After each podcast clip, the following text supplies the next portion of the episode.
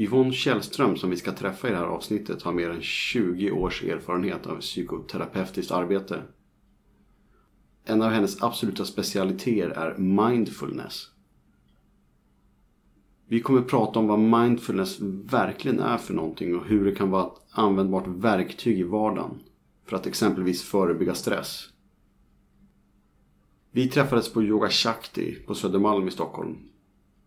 Där hon bland annat håller kurser i just mindfulness. Och det här är ett riktigt intressant avsnitt och jag hoppas att du också kommer gilla det.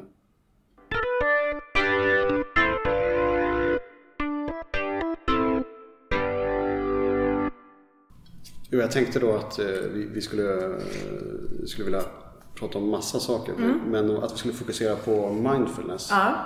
i, i det här samtalet. Mm, då. Och eh, det som jag upplever är att det finns, liksom, alla har hört det ordet. Men jättemånga jag träffar har inte en aning om vad det är riktigt och hur det skiljer sig från meditation och sådär. Har du lust att berätta liksom super basic? Mm. Absolut. Eh, mindfulness, man, säger, man ska skilja det från meditation. Meditation är ju när du sitter, det är ju mer en sittande liksom praktik. Medveten närvaro eller mindfulness kan vara det också. Att man sitter. Men det är inte grunden i det, utan grunden är att bli medvetet närvarande om vad som pågår i dig, vad som pågår runt omkring dig. Och det handlar ungefär om du tänker att om du har ett tidsfönster, att vi ska eh, tänka oss att vi är ungefär 40 man brukar säga så här, 40% dåtid, 20 i nuet, 40% framtid. Då blir det så här, då är jag aldrig här. Utan jag håller på att pendla med att älta det som har varit eller också håller jag på och framtidsplanerar. Och det medveten närvaro går ut på som en praktik, det är att vara liksom som 60% i nuet. 20 i dåtiden för att lära mig mina erfarenheter och 20% i framtiden för att hålla en riktning. Det där är så intressant för jag upplever att det, där har de allra flesta aldrig tänkt att man spenderar all sin liksom vakna tid i dåtid eller framtid istället för att vara i nuet. Eh, Jag vet första gången någon berättade det för mig så jag hade aldrig tänkt den tanken. Nej. Men då slog det mig att man spenderar ju så mycket tid liksom bara försjunken i tankar som antingen är i dåtid eller framtid.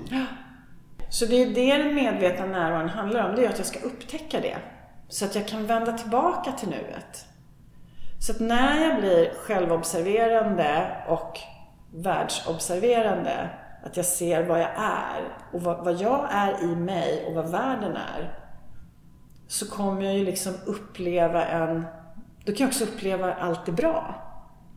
Just För precis. ofta så handlar ju att vi, vi går ju sällan och tänker på allt det där bra som har varit. Åh, det där och tänk det där. Utan ofta så är det lite oförrätter eller någon konflikt eller att jag ångrar. Alltså det är mycket negativa Verkligen. saker. Var, varför är det så tror du? Är hjärnan programmerad att... Ja, det är den. Det finns en biologi i det. Att hjärnan, alltså glädje är teflon, alltså positivt är teflon och negativt är klister. Och det är ju för att vi ska lära oss, om man tittar på, på 1900-talet när vi bodde på savannen Ja, i grottor. Då var, liksom, då var vi tvungna att hela tiden lära oss för att överleva. Så de goda sakerna, det, det, var, ju bara en, det var ju bara en bonus. Men de negativa sakerna var vi tvungna att lära oss av för att skydda oss. Så det finns liksom en sån programmering i att vi har mycket lättare att komma ihåg negativa saker just för att det finns ett program i att vi har ett överlevnadsvärde i att veta, kunna liksom förutsäga lite om det händer dåliga saker. Jag fattar så att Mm. liksom, man, man skulle kunna säga att hjärnan är, är inte programmerad att, att göra oss glada och lyckliga utan den är liksom på något sätt programmerad för att identifiera fel och faror. Och, För att vi ska hålla oss le- levande. Om man tänker så här basbiologi. och, och det är där någonstans det finns någon slags grund i att man, Mm. man spenderar jättemycket tid i liksom det förflutna eller att Ja. oroa sig för Ja. någonting som ska hända om en timme eller om en dag. Sen har man ju sett att och med att hjärnan är så himla plastisk så kan vi ju träna om den. Just det, det, det här är intressant. Ja, så att det, och det här, det är ju så att vi lever ju inte nu som vi gjorde då, då behövde vi ju det larmsystemet. Det behöver vi ju inte idag på samma sätt. Vi, vi har inte det samhället. Vi har ett kylskåp med mat. Vi behöver inte ut och jaga hela tiden och vara rädda att grizzlybjörnen liksom ska titta runt knuten. Utan vi, vi har ju ett mycket säkrare samhälle, men vår biologi har ju inte hängt med i vår liksom yttre världs framfart. Vi, ser ju, vi är ungefär likadana på insidan. Så det är ju det här, det är därför det blir sån vikt av att lära oss att bli närvarande i det vi är. För då kan vi också uppskatta allt det där fina som händer nu. Och sen vet jag också, händer det någonting som är negativt, då kan jag också, om jag är i det nu, då kan jag också börja välja väg vad jag ska ta vägen. För då kan jag liksom säga, ja men nu är jag i det här. Och jag vet att allting kommer och går. Det är ingenting som är statiskt. Livet är ju ett enda flöde. Jag menar, cellerna är ett enda flöde. Det som vi började prata om för två minuter sedan är redan över. och det är också en del i att se att även om jag har något, något, något jobbigt som händer, så kommer det gå över. Istället för att eh, bara försöka skjuta iväg det och så Precis. blir det ännu starkare. Det blir ännu starkare. Eller att gå och älta det. För hjärnan kan inte avgöra om det är sanning eller om det är fantasi. Just det, just det. Om du har en spindelfobi mm. så ber jag dig sluta ögonen och tänka på en spindel så kan ju du få en panikattack fast det finns inga spindlar här. För att min hjärna kan inte skilja på Nej. vad som är riktigt och... Nej, och det är ju det som vi kan liksom dra så nytta av. Och det här kan man träna då? Mm. Man kan träna sin hjärna att vara mer i nuet genom Absolut. mindfulness? Ja. Har, har, du lust att berätta om hur, hur det går till vanligtvis på kursen mm. här då? Alltså det första som man lär ut det är ju att bli självobserverande.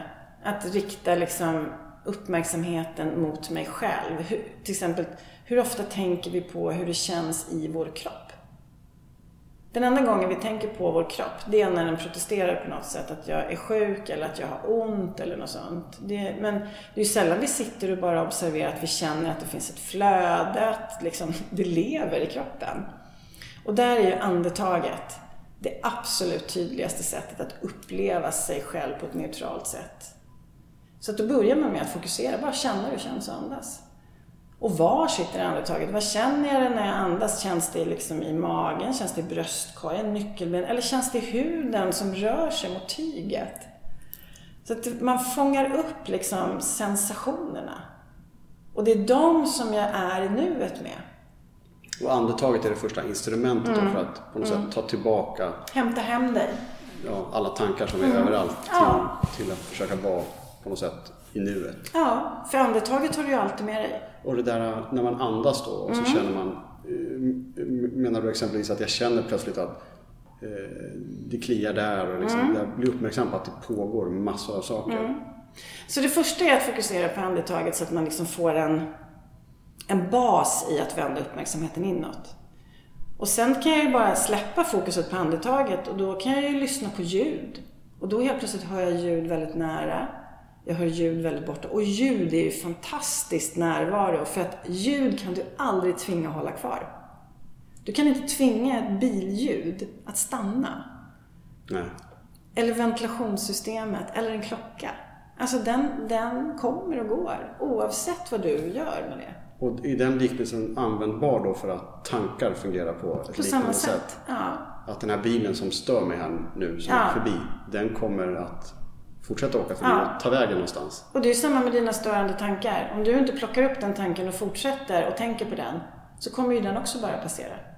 Många gånger tror jag att man och många inte har en aning om att det kommer en massa tankar mm. hela tiden. Vi håller på hela dagarna.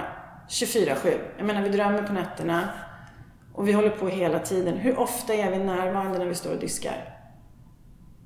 Då står vi och tänker på hur det var på jobbet. Eller, så det är också det här att plocka in närvaron. Det gör vi också i den här träningsperioden då. Det är att vi, vi börjar träna på hur känns det att duscha?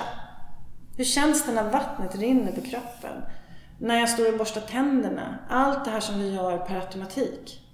Och när jag står och diskar, hur känns vattnet och diskmedlet och kopparna mot händerna? Istället för att jag står och tänker på en massa saker som har hänt under dagen eller drar iväg i tankarna om oro över mina barn eller min ekonomi eller liksom, ja, vad ska hända då?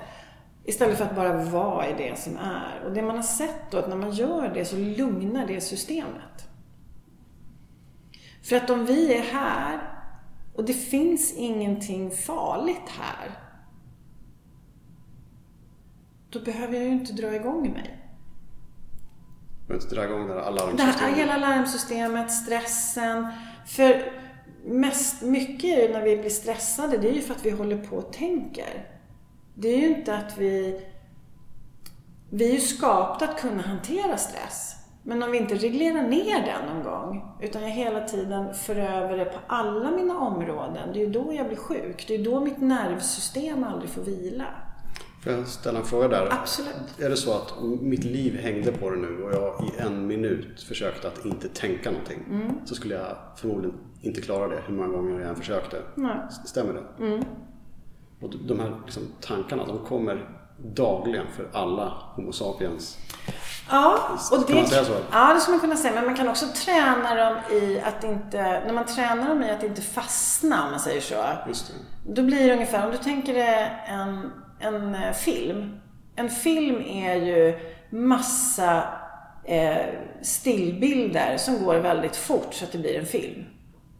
Så man tänker sig ungefär medveten närvaro som att stillbild, paus. Stillbild, paus.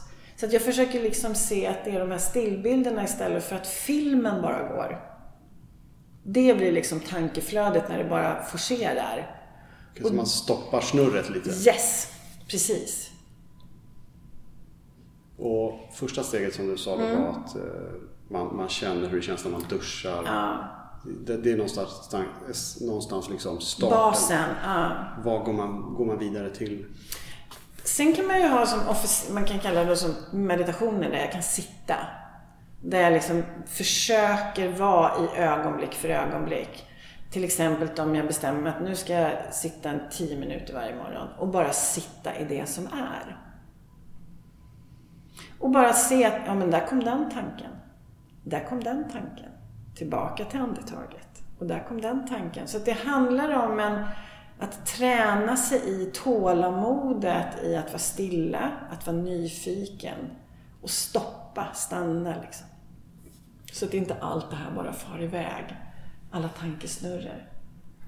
Många ger sig på att försöka lära sig det här och så laddar man ner någon app och så gör man det två och en halv gång. hur skulle en liksom, hur- skulle du rekommendera att eh, man ger sig på det? Man kan ta en kurs här såklart då. Och, och, men om man skulle säga en daglig, så här, är det bra att göra det 10 minuter eller måste man göra mer? Nej, det, det, det jag brukar rekommendera mina så här, först, det handlar inte om att sitta. Utan det handlar om att på vägen till jobbet eller var jag än är på väg i livet, att bara stanna upp i två andetag. Nu är jag här på Hornsgatan och där ser jag en blå buss. Och så fortsätter jag.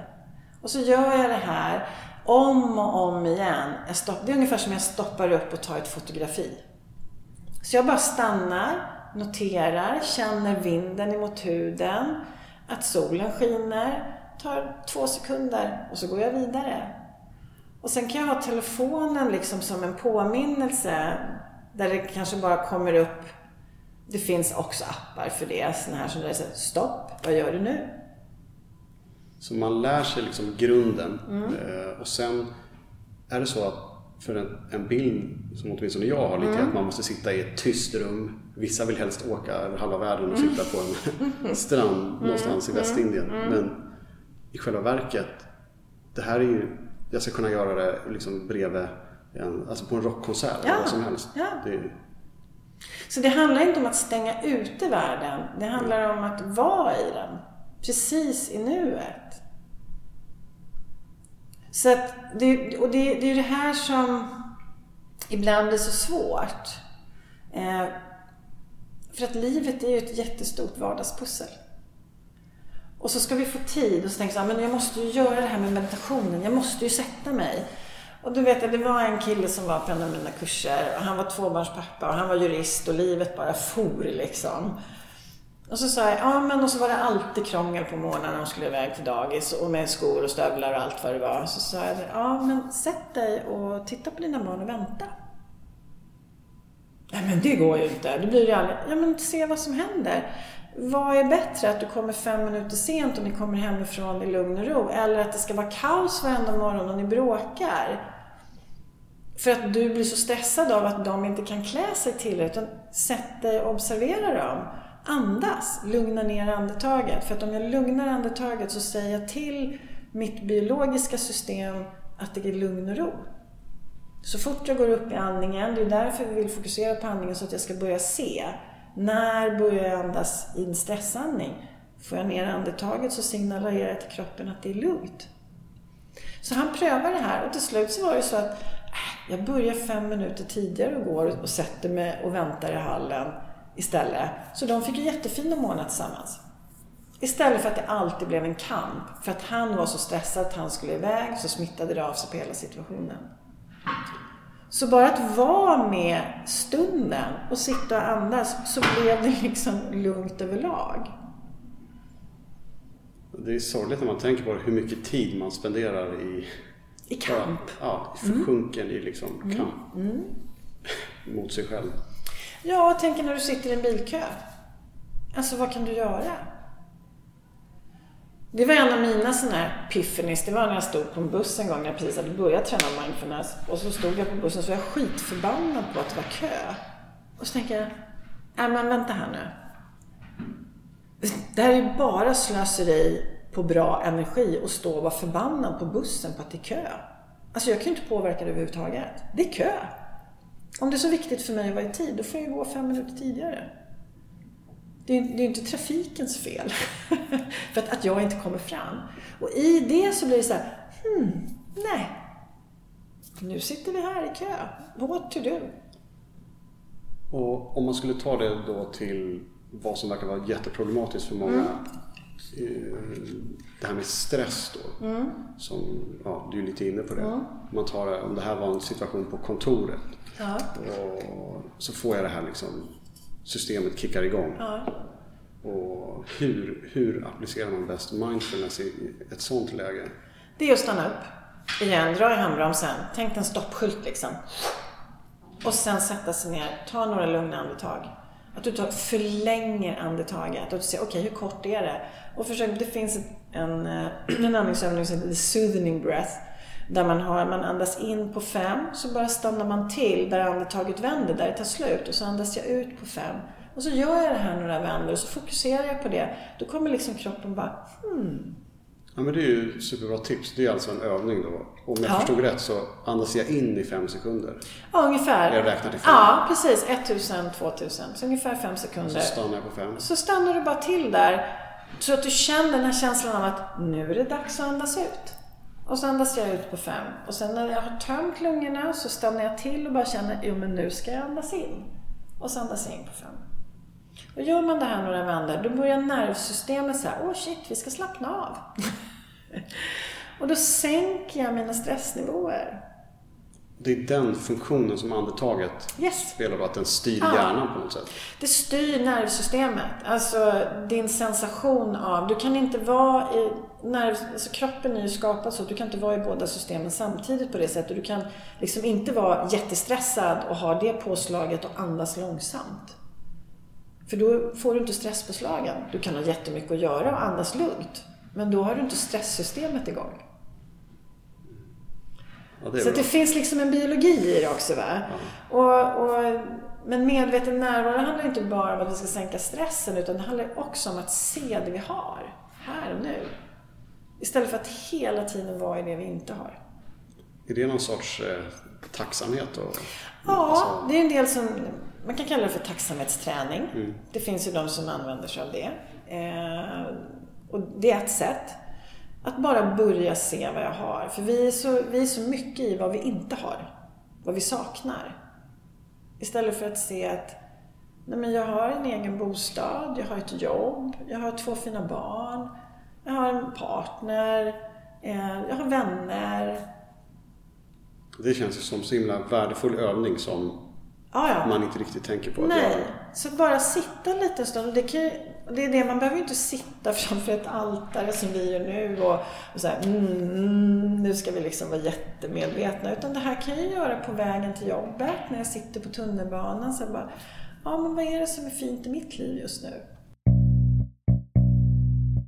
Det här avsnittet är sponsrat av postersidan artchart.se.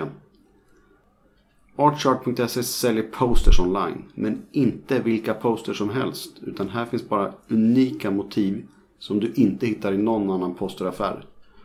Och framförallt hittar du extremt detaljerade posters som summerar allt du vill veta om ditt favoritämne. Är du exempelvis intresserad av öl kan du hitta en ölposter som summerar Sveriges alla mikrobryggerier och deras öl. Eller är du intresserad av grönsaker i Norden kan du hitta en poster som summerar de viktigaste grönsakerna per säsong. Så surfa in på artchart.se för att se mer. Art, C-H-A-R-T.se Det här måste man ju träna på. Ja. Ja men det är ju så. Allting är ju en träning. Och när jag höll på med det här och sen när jag kom in på du kom in på buddhistisk psykologi och sen började jag så här, men hur ska jag kunna använda det? Och sen kom det plötsligt någonting som heter compassion fokuserad terapi. Bara yes, det här är min grej. Och det är det bästa som finns. Det är compassionate mind training. kan, du, kan du berätta, fördjupa lite i det?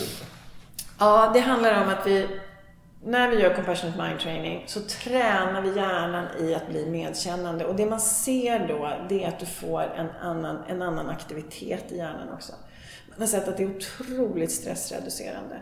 Och det man gör, det handlar inte om att jag sitter och säger positiva saker om mig själv. Så säger Åh, vad jag älskar mig själv. För att det kan vara jättesvårt.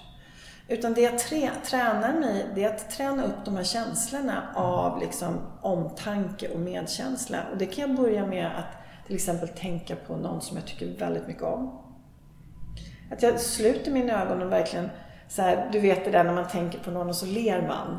För man verkligen så här, det kan ju vara ens barn eller ens partner här, eller en hund. Men just det när man känner så här, mm, man får den där känslan. Och sen kan jag försöka hålla kvar den känslan. Så att när jag är i de kärleksfulla känslorna inom situationstecken så gör det en skillnad i min hjärna vilket fokus jag får. Och det här är jätteintressant. De har ju gjort mer och mer studier på det här. De har till och med gjort att gör du en compassionate mind training så kan du få eh, kan du förändra din hjärtrytm. Så att om du har ett stresshjärta, så genom att bli mera medkännande så kan du förändra hjärtrytmen. Så att man har upptäckt mer och mer hur man kan träna det här. Och det handlar om att skapa en bild av mig själv. Det är också en färdighet. För jag tycker mer om att se alla de här sakerna som färdigheter i livet.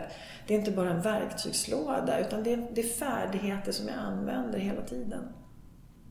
När jag hade min första kurs här i Compassionate Mind Training så var det en kvinna, så hon, hon hade lite svårt med det här. Framförallt att ge det till sig själv. Hon hade jätte, och det är jättevanligt i väst. Vi kan gärna hjälpa andra att vara kärleksfulla. Sen har vi en förbaskad självkritiker som sitter här och, och talar skit till oss själva. Vi skulle, aldrig, ja, vi skulle aldrig säga det till någon annan.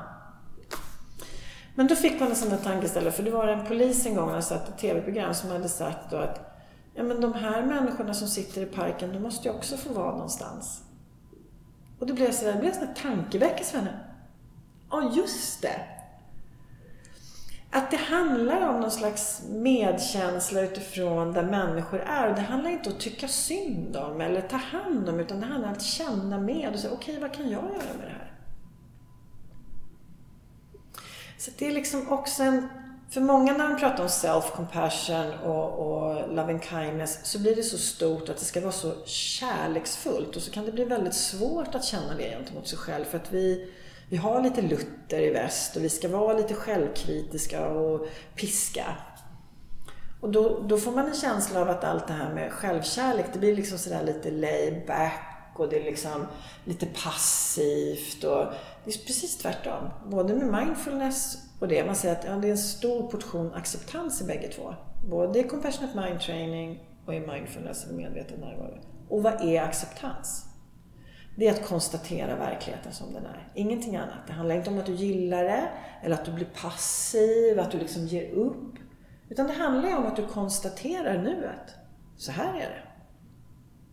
Och om jag inte accepterar det jag är i, då vet jag ju heller inte vad jag ska ta vägen. Och det är samma, det är en jättestor portion när det gäller compassionate mind training också. Att liksom, nej men nu har jag det ganska, nu mår jag inte bra, nu känner jag mig jättestressad, okej. Okay. Vad beror det på? Hur ska jag hjälpa mig ur det? Vad behöver jag? Då ska man tänka lite, eller ska man tänka då om jag förstår rätt, ungefär som att man skulle hjälpa sin allra bästa vän. Yes. På samma sätt ska jag ja, hjälpa mig själv. Då. Precis. Men, men det gör ju kanske inte de flesta. Nej, det är ungefär 90 procent. Gör inte det. Nej. Att liksom tänka sig som att om, om det här var min bästa kompis som kom till mig och berättade det här nu. Vad skulle jag, skulle jag säga till henne? Skärp till dig. Alltså sluta och gnäll. Det skulle jag ju aldrig säga. Men det är ju det jag håller på att säga till mig själv. Och när vi får det här skiftet på insidan i våra tankar och i våra känslor så får vi en helt annan stabilitet. Så det här att bryta det där att ändra, liksom, mm. att ändra någonting mm. i, då i termer av hur man ja, tänker och pratar mm. till sig själv. Ja. Den, den ändringen är, mm. är, kan vara väldigt stor. Den är fundamental. Mm. Jo, jag, jag, tänkte på det här med då att, att vara i nuet och mm. tillbaka till det. Mm. Tror du att det är, alltså det känns som att det är ett jätteproblem nu. Eh, ja. Tror du att det alltid har varit så om man går tillbaka Nej. tusen år? Eller är det här ett problem som har kommit liksom, hade folk problem med det på medeltiden? Nej, också? inte alls på samma sätt. Inte på samma sätt? Nej, alltså inte.